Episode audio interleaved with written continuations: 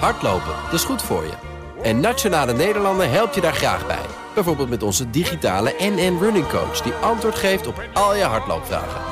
Dus, kom ook in beweging. Onze support heb je. Kijk op nn.nl slash hardlopen. Dit is het tweede deel van BNR Zaken doen. En dat beginnen we met Meiling Tan. Die doet namelijk een stap terug voor een witte man. In ieder geval, dat kondigde ze aan op LinkedIn. Ze is de ondernemer achter House of Einstein en Superflow. En de reden is, zonder man in de leiding heeft haar bedrijf heel veel minder kans op financiering. Bleek ook uit onderzoek van Fundrite. Dat is een initiatief van investeringsmaatschappijen met als doel hun eigen investeringen juist diverser te maken. Meiling, welkom. Fijn dat je er bent. Yes, hoi. En um, ja, allereerst uh, moet ik maar even vragen hoe het uh, staat met dat voornemen om, als het echt nodig is, een stap terug te doen. Want ik kwam het bericht zelf tegen op LinkedIn en ik dacht, god, dat is interessant en ook ingrijpend. Gaat het ook echt gebeuren? Dat is een mogelijkheid die we onderzoeken en uh, die beslissing willen we volgende maand nemen. we willen in ieder geval het bedrijf naar een volgende fase brengen en we willen onze kansen zo groot mogelijk maken om die volgende fase te te bereiken. En uh, ja, dan, we zijn best wel data gedreven. Dus dan komt zo'n onderzoek en dan ga je daar wel over nadenken. Ja, en wat moet er dan de komende maand nog gebeuren om ervoor te zorgen dat jij gewoon kan aanblijven? Um, wat er de komende maand moet gebeuren? Nou, um, nou, nee, wij moeten die beslissing maken. Kijk, wij hebben gekeken van. Wij denken, nou, House of Einstein is een bedrijf wat uh, mensen en mannen helpt om een stijl te ontwikkelen middels een kledingbox is een retailmodel. En um, ja, wij hebben het idee dat de combinatie van twee vrouwen aan het roer en in de mode niet een succesformule is voor investeerders. Um, ik heb ook het idee dat dat dus ergens wel te maken heeft met de bias en de beeldvorming. Um, dat zeg maar vrouwen in combinatie met mode vaak gezien wordt als een, een hobby. En mannen in combinatie met mode vaak wordt gezien als een grote markt. Um, en ja, dus wij zien heel erg. Ik, ik heb het ook ervaren, want ik heb funding opgehaald voor House of Einstein. Ik heb funding opgehaald voor Superflow. En ik heb daar ook het verschil ervaren. Uh, in het feit dat als wij een tech company zijn, als oprichters. Um, dat als we dat echt aan de voorkant plaatsen, dat dat dan ook duidelijker wordt voor de investeerders om dat te begrijpen. Uh, en dat ze dan dus ook meer vertrouwen hebben. Terwijl wij ja, voor ons eigenlijk hetzelfde doen. Maar dan, moet je dus, dan, dan heeft het dus nog zin om uh, daar waar nodig je verhaal aan te passen. En ervoor te zorgen dat bijvoorbeeld het uh, datastuk wat meer op de voorgrond komt en iets minder de mode. Ja, nou dat hebben we natuurlijk gedaan. En dat is ook wel iets wat we hebben geleerd. Dat we heel duidelijk naar voren moeten plaatsen. Uh, maar ik heb in de eerste fase van dat wij funding op hebben gehaald niet gerealiseerd dat het in de beeldvorming van de andere persoon moeilijk te begrijpen is dat die data en technologie ook daadwerkelijk door ons wordt ontwikkeld. Ik heb uh, letterlijk de feedback gekregen uh, dat we niet data-driven zijn. Dat we, ik heb meerdere keren gehoord, jullie moeten de technologie echt in het team, onderdeel van het team maken. Hm. En um, dan zei ik altijd na zo'n meeting van... Uh, Jantien, ik snap het gewoon niet. We hebben toch drie keer gezegd dat we dat zelf ontwikkelen, dit en dat. En toen zei Jantien altijd, ja, maar hij neemt ons niet serieus. En nou ja, ik ga, ik ga dan toch meer aan mezelf twijfelen. En zij had voelde dat wel beter aan. En pas na Fundrite realiseerde ik me van... oké, hij begreep dus echt niet dat het zo kan zijn dat wij vrouw, die er ook nog best wel toen vrouwelijk uitzagen in de zin van gewoon make-up op en oh. mooie kleding, uh, ook echt developer kunnen zijn. Dus voor mij maar, was dat even, want ik vind heel... toch wel een verschil of je het hebt over dat hij het niet begrijpt, hij de mannelijke investeerder, of dat hij het niet wil begrijpen. Wat denk jij? Want in jouw LinkedIn-bericht laat je ook uh, zien dat jij vermoedt dat wij in Nederland te maken hebben met Nederlandse investeerders die nog een sterkere bias hebben dan, dan elders. Uh, nee, onze unconscious bias is sterker dan elders. Dus uh, onze onbewuste. Dus Nederlands, Nederlanders denken dat ze heel erg divers denken, maar in hun gedrag blijkt dat we dat minder zijn. Dus, uh, dus dat, dat maakt het ook zo moeilijk in ons land. Hè? Dus we denken allemaal dat we heel divers en open staan, maar in ons gedrag laten we zien dat we dat niet zijn. Dus ik geloof absoluut niet dat deze mensen, in dit geval mannen, dat bewust doen. Helemaal niet. Ik denk dat het inderdaad om onbewuste signalen gaan. En die onbewuste signalen gebeuren in je hersens. Dus je hersens die reageren positiever op iemand die op jou lijkt dan niet. Nou, dat is al een gegeven. Dus dat zit gewoon in hele kleine dingen. En je hebt ook een onderzoek gehad uh, en een TED-talk. Wat erover gaat van uh, vrouw. Dat is een vrouw en die heeft alle pitches door een soort database gehaald. En die laat zien dat vrouwen ook ander type vragen krijgen tijdens een pitch dan mannen. En die ander type vragen krijgen ze ook van vrouwelijke investeerders. Dus vrouwen reageren op vrouwen ook anders. En, en die, die vragen zijn meer preventieve vragen. Dus die zijn meer op het negatieve gericht. En um, hoe ga je om met concurrentie? Hoe zorg je dat personeel niet wegloopt? En mannen krijgen meer provocatieve vragen, waarin je groot gaat denken. Dus hoe, wat zou je doen met meer geld? Ja. Hoe maar, zorg je dat maar, je maar dan, dan zit je in ieder geval nog aan tafel. En dan krijg je misschien niet de vragen die passen bij het gesprek dat je wil voeren. Maar eh, Eva de Mol, een van de drijvende krachten achter Fundride, zegt ook... vrouwen weten misschien zelf niet zo goed de weg naar de juiste investeerder. Nou, dus absoluut. Ja, ja, nee, ja. absoluut. Ik zie dit ook. Ik zie ook dat uh, kijk, je hebt natuurlijk verschillende fasen van financiering. Dus je begint als start-up met Friends, Family en Fools. En als je die stap eigenlijk niet goed maakt, is het heel moeilijk om uiteindelijk bij de grote visie aan tafel te komen. Dus uh, als daar al in gerommeld wordt en je krijgt bijvoorbeeld onprofessionele investeerders aan boord die bijvoorbeeld hele slechte contracten op tafel leggen of hele rare eisen stellen, dan is het best wel moeilijk om in een latere fase van je bedrijf nog die funding goed op te halen. Met wie ben jij uiteindelijk toch nog in gesprek geraakt? Want volgens mij heb je wel geld opgehaald, maar niet het bedrag dat je voor ogen had. Ja, klopt. Dus, dus is het dan eh, half gelukt of is het dan met name mislukt? Hoe zie je dat? Het is wel, het is wel deels gelukt. Dus ik bedoel, het is ook. Maar dat is. Ja, dus het, het gaat ons ook lukken. We gaan ook niet opgeven. En ik denk ook dat dat de boodschap moet zijn. Het is, we hebben ook veel meer rolmodellen nodig. Dus uh, we gaan ook door. Ik bedoel, we moeten ook als vrouwen doorzetten en het goede voorbeeld geven. En, um, maar het gaat er, wat ik wel belangrijk vind om aan te geven, is wat er echt in zo'n ruimte gebeurt. En die onbewuste bias, het is wel belangrijk dat we ons daar zeg maar, bewust van zijn. Ja. En als je kijkt naar die friends, fools, friends en families fase, als ik kijk naar mannelijke bedrijven gerund door mannen en bedrijven gerund door, door vrouwen. Kijk, in die eerste ronde zijn het ook vaak vrienden van, of vrienden die, die al informel zijn, die al zelf meerdere bedrijven hebben begonnen. En die vinden het mooi, want die kennen een vriendje van een studentenclub en die heeft zo'n bedrijf. Dus daar gaat geld in. Dus al in die eerste tranche zit best wel veel kennis en waarde om vervolgens dat bedrijf omhoog te trekken. En dus in die fase is het ook super belangrijk dat die vrouwen al de goede funding krijgen. En, en, dat, en dat ze dus daarna ook dat pad goed kunnen doorlopen. En ik, ik, ik zie dat daar um, het al een beetje misgaat. Met veel vrouwelijke ondernemers die dus.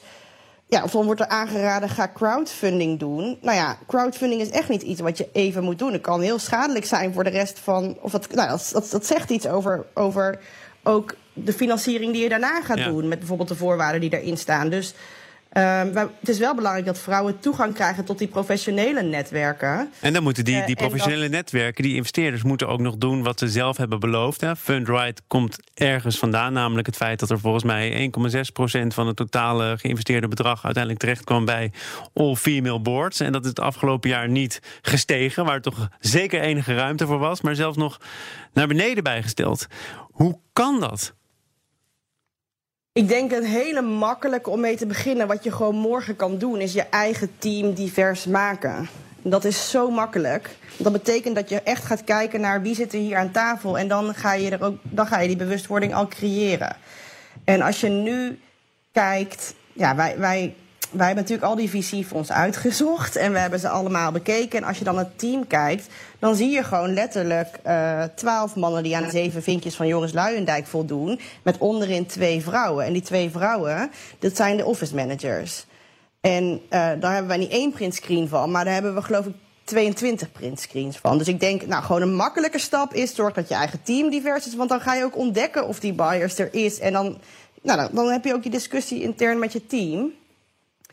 Um, dus ik denk dat dat eigenlijk al een super logische stap zou zijn. En ik heb daar nog niet heel veel, heel veel in gezien. Nee, en het, Alhoewel er wel partijen zijn die al goed op weg zijn. Want er zijn ook heel veel vrouwelijke investeerders nu wel. En dat helpt ook al. En ik moet eerlijk zeggen, je, het, het, het, begint nu ook in beweging te komen. Want ik heb naar aanleiding van die artikel ook een investeerder, vrouwelijke investeerder aan de telefoon gehad. En die zegt: Ling, ik zit daar gewoon in zo'n meeting. Ik zie daar een, een, een ondernemer voor me. Waarvan ik denk van nou, dat is een topper.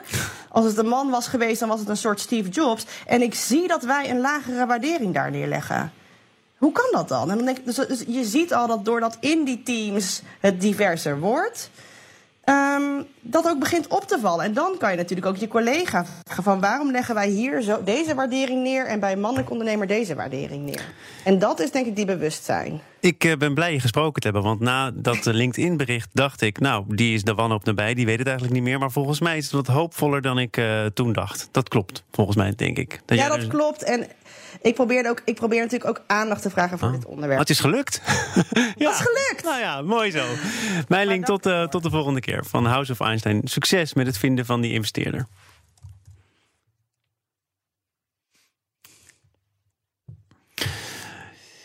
Ja, ons geliefde coronaloket is even terug van weg geweest met vandaag. En volgende week woensdag een speciale feestdagen-editie. Want in dit coronaloket laten we ondernemers aan het woord over hoe zij in aanloop naar de feestdagen omgaan met die coronaperiode.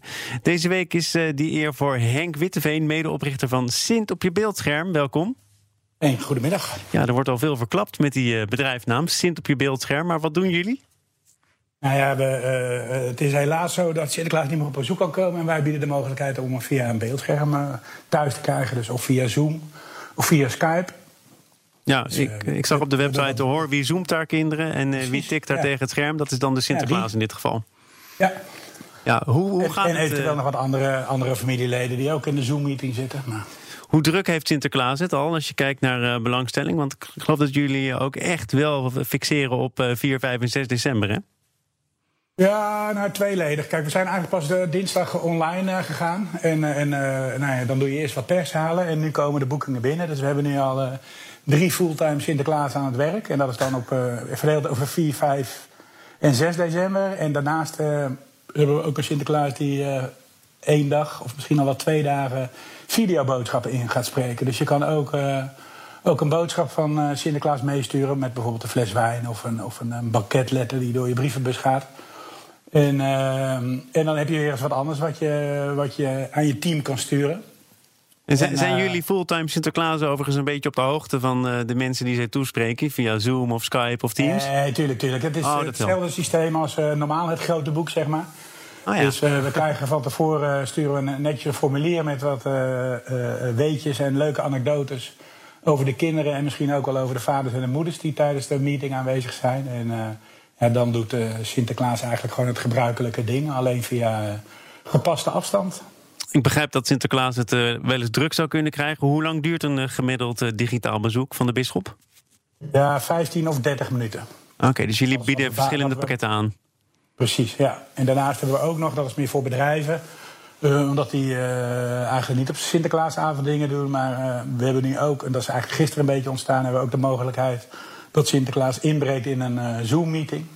En dan doet hij eigenlijk uh, gewoon hetzelfde als hij bij een familie thuis doet. Maar uh, leuke anekdotes en, en, en dingen delen met de mensen die in de meeting zitten. Oké, dus dan is Zoom niet gehackt voor de verandering, maar dan is het gewoon bewust?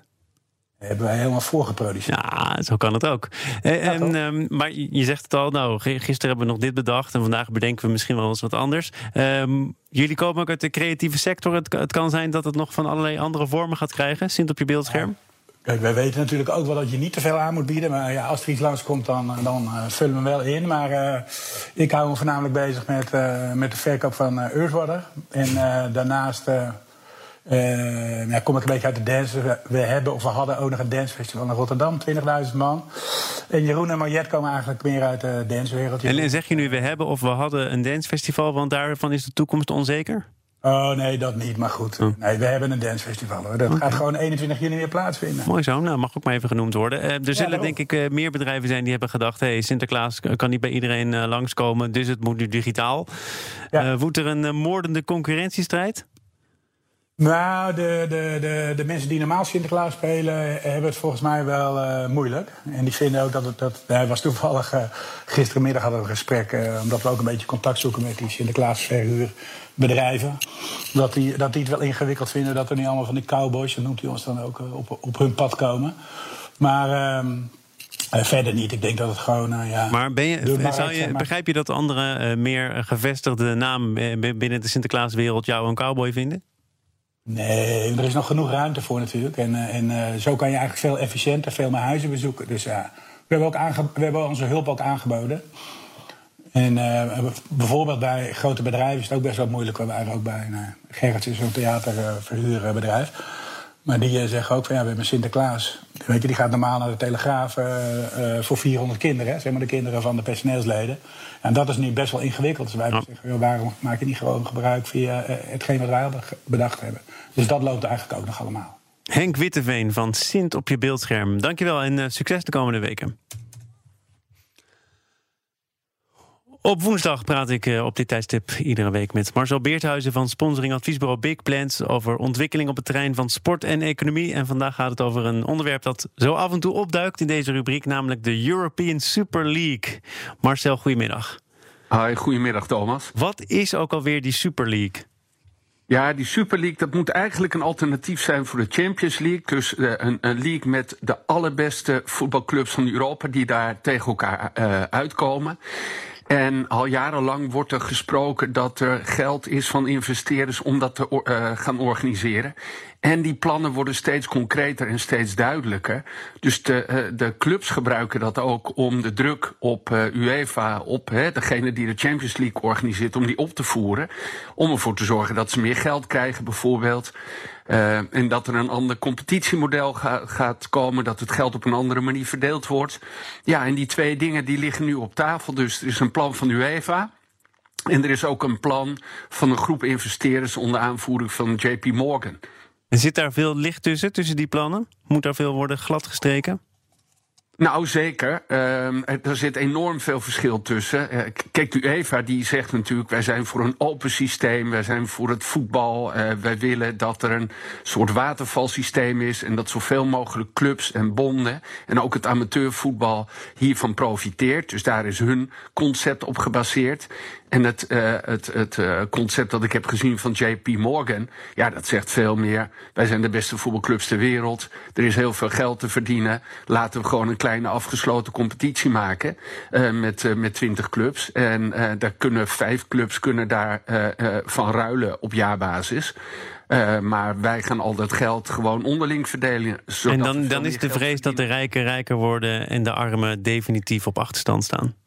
Ja, ja, zeker. Dat zou dat betekenen. En dat, de, de, uh, JP Morgan uh, concept dat kijkt veel meer naar de NBA. Gewoon een afgesloten competitie met enorm veel geld. Er ligt 3,5 miljard op tafel om te verdelen tussen de 15 oprichters. Dat zijn dan echt de grootste clubs. En die krijgen dan als een soort startfee tussen de 100 miljoen en 350 miljoen. Alleen maar om daarmee te beginnen. Ja, en dat is natuurlijk heel aanlokkelijk. Al die clubs staan enorm onder druk. Iedereen heeft problemen door COVID. Uh, we hadden het vorige week over Barcelona, dat misschien wel failliet zou gaan. Uh, iedereen heeft het geld hard nodig. Dus de druk op de UEFA neemt toe. En, en die plannen worden steeds concreter van die investeerders. Maar de druk op de spelers ook. Ik hoorde ergens de afgelopen dagen dat als Kevin de Bruyne van Manchester City ja. alle wedstrijden zou spelen dit jaar, dat hij op 99 uit zou komen. En als deze competitie er dan nog bij komt, vraag ik me af: komt hij erbij of komt hij in de plaats van allerlei andere competities, waardoor het nog een beetje bij te benen is? Nee, die komt in de plaats van. En, en uh, dat moet ook wel. Dat zou dan wel in de, in de, op de speeldagen van de Champions League moeten gebeuren. Overigens denkt de UEFA zelf ook wel na over een Super League met 20 clubs. Maar met een heel ander financieel model. Al die grote clubs die klagen natuurlijk ook omdat ze miljoenen salarissen betalen aan die spelers. En er steeds meer blessures komen. Zeker in deze tijd waar er zoveel gepresteerd moet worden. Dus die zeggen, ja, dan moeten wij, het, uh, moeten wij weer spelers aan het Nederlandse elftal geven, bijvoorbeeld. Keren ze geblesseerd terug. Ja. Wij moeten wel dat salaris betalen. We krijgen daar geen enkele compensatie voor.